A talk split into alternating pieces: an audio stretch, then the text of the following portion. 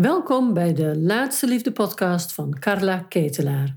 In iedere aflevering geef ik je mijn inzichten en adviezen over waarom het tot nu toe niet gelukt is en wat er nog nodig is, zodat jij ook jouw eindman of eindvrouw in je armen kunt sluiten voor die relatie die je zo graag wilt. Hallo. Gisteren kreeg ik een vraag van een vrouw, die sprak ik voor de eerste keer. En ze was fijn dat ik je nou spreek, zegt ze, want uh, wat ik lastig vind is dat als jij praat over wat jij doet met vrouwen, dan heb je het er altijd over van: heb je alles voor elkaar in je leven behalve de liefde, dan kan ik je helpen. Maar ze zegt: ja, maar ik heb niet alles voor elkaar in mijn leven, maar ik wil wel hulp voor de liefde. Hoe, hoe moet ik dat nou zien? En dat zette me aan het denken. Ik denk, oh ja, uh, zo is het voor veel vrouwen. Dat ze het meeste op de rit hebben in hun leven. En ja, dat alleen met de liefde maar niet wil lukken. Ja, alsof het alleen maar succesvolle vrouwen, of je die alleen maar helpt. Nee, uiteraard niet. Er, zei, er komen wel heel veel succesvolle vrouwen op me af, omdat dit voor hen zo speelt. Dat speelt op de manier dat de meeste dingen lopen wel lekker. Maar natuurlijk loopt het voor een heel aantal mensen nog met meerdere thema's in het leven niet lekker. En natuurlijk kan ik dan ook helpen als het over de liefde gaat. Hoe ik het zie is dat we hebben, wij zijn de kern van ons leven, wij zijn het middelpunt van ons eigen leven. En we hebben een aantal thema's in ons leven waar we ons mee te verhouden hebben. En ik noem een thema, noem ik werk, kinderen, je familieleden, dus de, dus de broers, zussen enzovoort, collega's, uh, je vrijwilligerswerk, het zijn een soort vijf, vijf, zes basisdingen. Dat is hoe woon ik? Hoe heb ik het met mijn kinderen? Heb ik werk of een goede besteding van de dag? Hoe is het met mijn liefdesleven? En gezondheid. En dat zijn toch een beetje de vijf pijlers waar het allemaal om draait. En als het op een van de pijlers heel onrustig is, dan uh, één of meerdere pijlers onrustig is of niet goed voelt, dan is er iets anders en dan is er meer aan de hand. Ik schrijf in mijn boek dat ik over. Uh, je kunt niet op alle thema's tegelijk werken. Als jij heel slecht woont, of je hebt heel veel last van lawaai van de buren, of een of andere uh, ja, industrieterrein wat gebouwd gaat worden tegenover jou.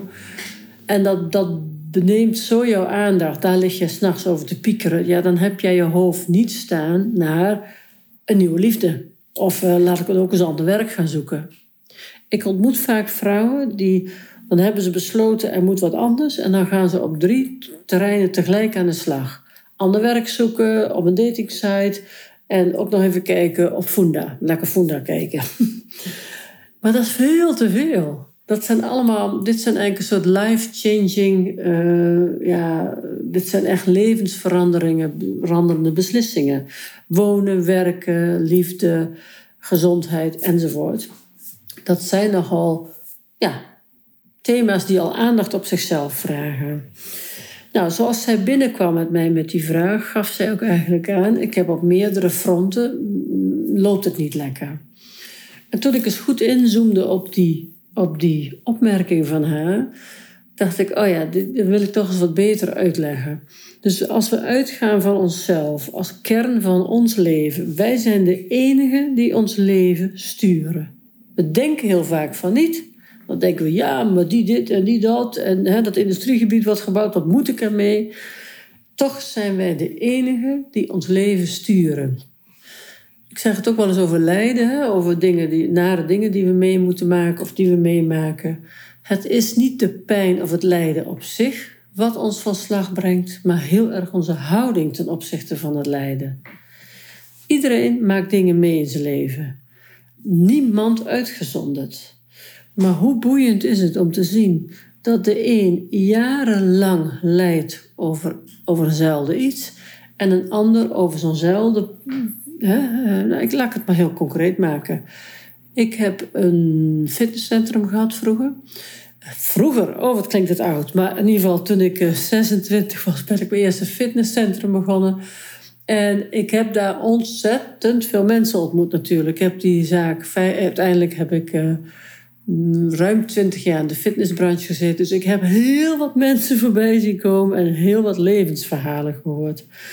En wat ik ook ontdekte, dat is heel apart, dat zo ontzettend veel mensen een kind verloren hebben. Dat, is mij eigenlijk, dat werd mij toen duidelijk. Dat zoveel mensen een verdriet meedragen van het verlies van een kind. En doordat wij ook persoonlijk waren in dat hele fitnesscentrum, kregen we ook allerlei, eh, ja, nog toch persoonlijke privéverhalen kregen we ook mee. En toen werd mij dat duidelijk. En wat mij daardoor ook duidelijk werd, was dat iemand die, zeg maar, als je een kind, als je twintig jaar geleden een kind verloren bent, of tien jaar geleden, dat daar ook zo verschillend op gereageerd werd. Dat sommigen na vier jaar zeiden: Het doet heel veel pijn en ik zal nooit echt overheen komen, maar mijn leven gaat verder. En er waren vrouwen die hadden na twintig jaar nog hetzelfde verdriet als dat ze hadden vlak na het overlijden.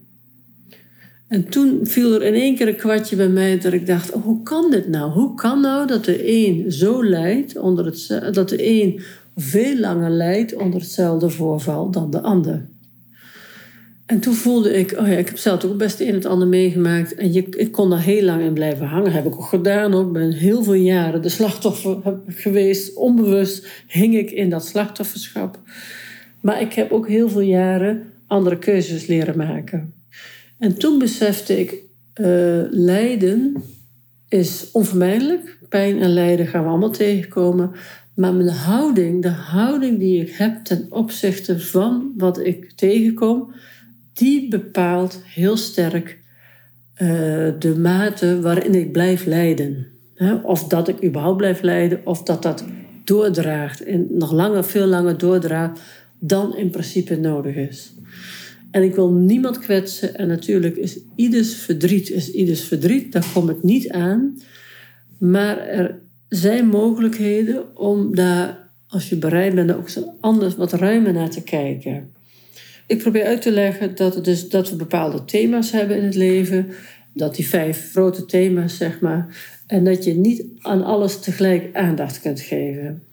Deze vrouw kwam bij me met de vraag: ja, ik heb het niet allemaal op de rit. Uh, hoe kan ik dan, kan ik, kun je me dan wel helpen?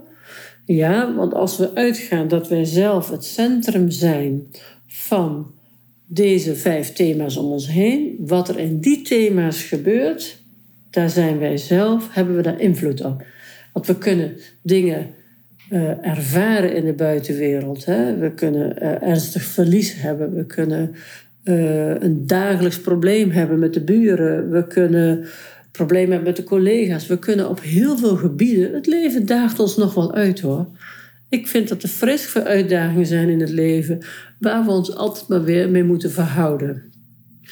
Het is ook een klus. Het is niet makkelijk. Ik zeg niet dat het makkelijk is, maar ik wil wel, ik zou met je willen kijken van waar kan het makkelijker worden, omdat je een soort eigen, dat je de, de, de, je eigen sturingskracht weer pakt. Wij zijn niet alleen maar afhankelijk van de ellende die ons overkomt. Stel je wordt ergens, je wordt ziek. Ook dat is natuurlijk afschuwelijk. En ook dat moet je dan weer, uh, ja, processen zeggen mensen, of verwerken. En ook daar moet je weer een weg in vinden. Maar de bereidheid om een weg te vinden in alles wat we tegenkomen, die maakt dat je uh, toch het gevoel hebt dat het je niet allemaal overkomt. Daar zit een sleutel. Daar zit echt een sleutel van goed voelen en niet goed voelen. In hoeverre kan ik het zelf nog, heb ik er zelf invloed op? En nee, we hebben heel vaak geen invloed op wat ons overkomt. Verlies, gezondheid, verlies van wat dan ook, werk, vrienden, kinderen. Maar we hebben wel invloed op hoe we ons opstellen ten opzichte van die pijn. En hoe we daar, eh, die opstelling maakt of we het kunnen handelen, of we het aankunnen, of we positief kunnen blijven, of dat we uh, echt lijden onder, dat we echt gaan lijden onder wat wij meemaken. Dus met die vraag van haar, kan ik dan wel bij je terecht? Want ik heb wel meer thema's in mijn leven. Ja, je kunt zeker bij me terecht. Want hoe ik het zie, is jij bent dat centrum van die thema's om jou heen. Dus als we in het centrum dingen helder gaan krijgen, helder gaan maken, dan heeft dat logisch effect op al die aspecten om jou heen. Nou, ik, ga, ik, ga, ik hou van de praktische voorbeelden. Veel vrouwen komen in relaties terecht waar ze niet blij van worden. Of de man is te dominant, of de man uh, luistert niet, of uh, ja, heeft in ieder geval een aantal dingen waar we niet gelukkig van worden. Deze vrouwen zullen ook, als je je hierin herkent, misschien herken je dan ook wel in dat als jij uit zo'n situatie komt, dat je ook op andere plekken je niet blij voelt. Misschien heb je ook geen fijn contact met je kinderen. Of ben je een beetje bang als je kinderen weer thuiskomen. Of dat je, dat je voelt van, hé, hey, ik ben hier wel in huis, maar ja, ik, ik loop hier altijd met te sloven. Ik loop altijd om op te ruimen voor iedereen. Uh, of heb je met je collega's dat je heel vaak aan het slikken bent. Dat je denkt, ja, dan gebeurt het me weer. Nou, dan heb je dan heb je als thema, als je vaak in relaties zit die niet goed voelen, dan heb je hoogstwaarschijnlijk als thema uh, dat je het moeilijk vindt om grenzen te geven. Grenzen geven is echt een levenskunst. En wat ik zie, nu ik zoveel jaren al met vrouwen werk, is dat uh, grenzen geven een beetje af, vrouwen on, onbewust een beetje wordt afgeleerd. Want meisjes uh, moeten lief zijn, ruzie ma niet ruzie maken. Uh, er zit een voor, voor aan de meisjeskant in de opvoeding wordt meer de lieve kant en de zorgzame kant benadrukt dan bij jongens. He, jongens, dan, dan sla er maar eens op los. Of weet je, dan jongens wordt meer dat, ja, dat, dat, dat vechterstuk aangeleerd. Zo van uh, niet op je kop laten zitten. Nou, allemaal dat soort dingen, daar zit ergens al een splijting. Dit is een beetje hoe ik het vertaal, waarom zoveel vrouwen moeite hebben met grenzen geven. Lief zijn, zorgzaam, uh, boos worden. Niet hè? Dus, dus uh, boos worden is eigenlijk een niet gewaardeerde kwaliteit. Of, of ja, een uitingsvorm voor kinderen, voor meisjes vooral. Hiermee ontnemen, leren we dus eigenlijk af dat dat in die aanpassing, dus we worden een beetje die pleaser, we gaan een beetje de pleasende klant kant op. In die pleasen, in het zorgzame, in je best willen doen, lopen we dus de, lopen we mis dat we ons grenzen mogen geven. Dat als wij iets niet prettig vinden, dat we dat gewoon mogen zeggen. En dat we het dan niet willen of niet doen, of dat we in ieder geval kunnen onderhandelen als je klein bent, waarom je het niet wilt. Maar als je heel erg aangesproken wordt op dat uh, stuk en je krijgt een aai over je bol als je heel lief voor je broertjes en zusjes hebt gezorgd, dan gaat die kant sterker worden. Dus wij gaan, uh, dus vrouwen passen zich een beetje generaliserend, maar dat praat gewoon wat makkelijker. Dus laten we zeggen dat vrouwen en meisjes zich sneller aan hebben leren passen aan het, ja, het onuitgesproken verwachting vaak. Dat met als gevolg dat de grenzen moeilijker worden aangegeven, of niet, of laat, of uh, dat we te veel slikken soms. Nou, dat kom je in je volwassen leven tegen als je uh, af en toe ontzettend ergert aan de kinderen. Of denkt, oh, ik ben liever alleen dat ze er vanavond weer zijn. Of uh, nou, allemaal van dat soort signalen. Of dat je een beetje met buikpen naar je werk gaat. Dat je denkt, oh, als die collega nou maar niet weer komt met die hele lijst die ik weer moet doen. En zo beland je ook met dat gebrek aan grenzen geven, beland je ook vaak in relaties waar je niet blij van wordt. Nou, wat we in het programma doen, is dat we heel erg met dat grenzen geven aan de slag gaan. Dat is een belangrijk thema in het programma. En we hebben nog vier, vijf belangrijke thema's die een soort cruciaal zijn, vaak voor vrouwen. En grenzen geven is er daar één van. Doordat jij, ik zeg altijd, we gaan oefenen met, we gaan dichtbij oefenen. Dus je gaat oefenen met een collega. Je gaat dus oefenen met je kinderen. We gaan dus de grenzen geven spier trainen.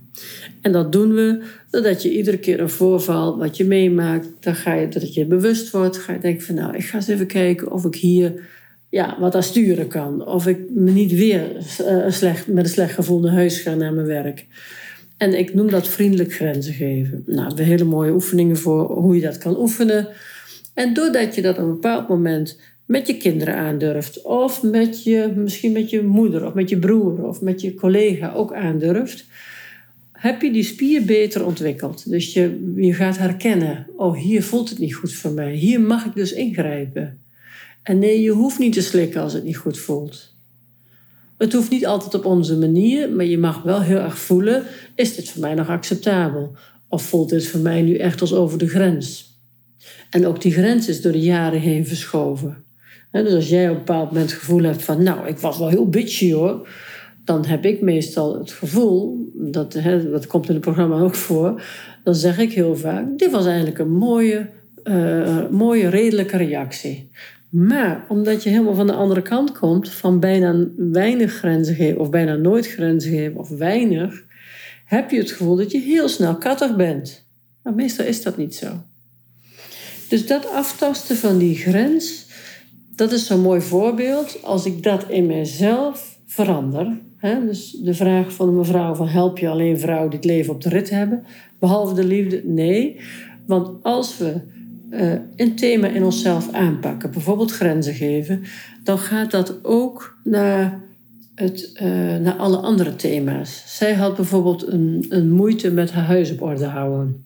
En hoe ik het ook doe, iedere keer ja, voel ik toch dat het heel rommelig wordt en het interesseert me te weinig. En voor wie zal ik het dan doen?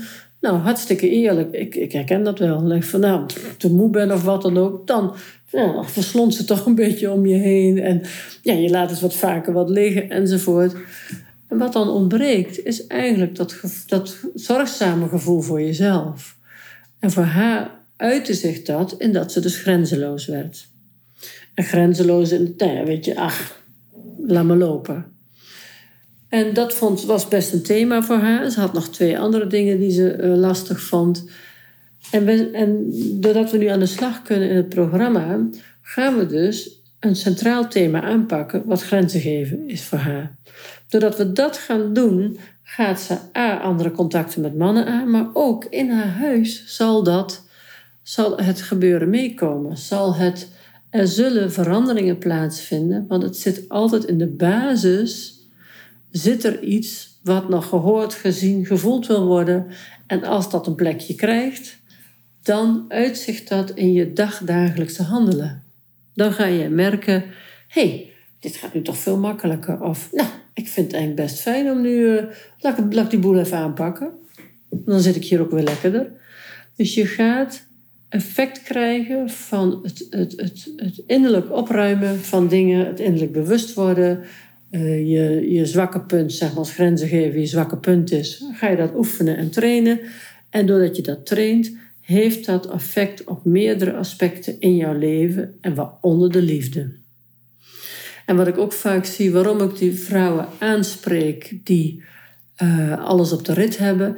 Ik trek ook veel vrouwen aan die wel alles tip-top op de rit hebben. Dus die eigenlijk alles zo goed geregeld hebben. En die willen dan vervolgens de liefde ook regelen. Dus, dus het kan ook zijn dat jij je daarin herkent. Hè? In dat, dat krachtige, nou, misschien succesvolle leven wat je hebt, uh, wat je hard voor gewerkt hebt waarschijnlijk. En dat je dat, doordat je daadkrachtig bent en de dingen goed kunt regelen, dat je dat allemaal lekker hebt staan. En dat het in de liefde niet lukt. En dan is het thema meestal te veel in die mannenactiekant, te veel in de regelkant, waardoor de liefde achterblijft. Al die regeldingen zijn fijn in de andere uh, aspecten, werk, collega's enzovoort. Maar in het liefdestuk blijft dat achter. En het mooie is, als jij een vrouw bent die dit herkent, van alles loopt wel, dat, dat als jij die liefde, dat liefdestuk, dus uit dat mannenactiestuk, wat gaat zakken naar je vrouwelijke ontvangkant, dat je heel erg veel waarde ja, vermeerdert in je leven op je andere thema's. Je zult andere contacten met je vriendinnen krijgen je familie en, en vrienden. Dat gaat milder worden, je gaat zachter worden, je gaat leren ontvangen. Je bent niet meer diegene die alles op gaat lossen voor anderen. Dus ook al voelt het niet als een probleem, de rest staat wel lekker, behalve de liefde. Als je die liefde in je leven krijgt doordat je meer naar die vrouwenactiekant gaat, heeft dat een verdiepend effect op alle andere aspecten in je leven. Nou, tot zover het verhaal over de vrouw die vroeg aan mij: Kun je alleen vrouwen helpen die alles tip-top in orde hebben, behalve de liefde? Nee, ik kan zowel die vrouwen helpen die succesvol zijn, het meeste hebben staan, en ik kan ook de vrouwen helpen die uh, ook andere thema's in het leven uh, niet helemaal helder hebben of daar zich niet goed over voelen of zoekende zijn. Zeker van harte welkom, want het gaat in de eerste instantie om jouw innerlijk, hoe jij je voelt, wat daaronder ligt. En als we dat onderzoeken, bewust maken, gaat er op vele facetten in jouw leven verandering plaatsvinden, waaronder de liefde. Nou, van harte welkom. Ik help je graag en eh, tot de volgende keer. Voel je geïnspireerd door wat ik vertelde? En voel jij langzamerhand ook weer jouw verlangen? Dat je het eigenlijk ook heel erg graag zou willen. En ik weet dat het bestaat. Ik help vrouwen er dagelijks mee. Ik zie mooie liefdes ontstaan. En als jij nu voelt, ja, misschien wil ik ook wel ja, geholpen worden, of misschien moet ik toch maar eens gaan onderzoeken of ik zelf wat stappen kan zetten. Ik vertel je er heel graag over. Ik doe dat in een gratis webinar. Daarvoor kun je je opgeven via mijn website laatsteliefde.nl. Kijk je bij gratis en dan zie je inschrijven webinar staan. Want geef niet op in de liefde. Het bestaat wel. Ook voor jou. Ik zie je graag.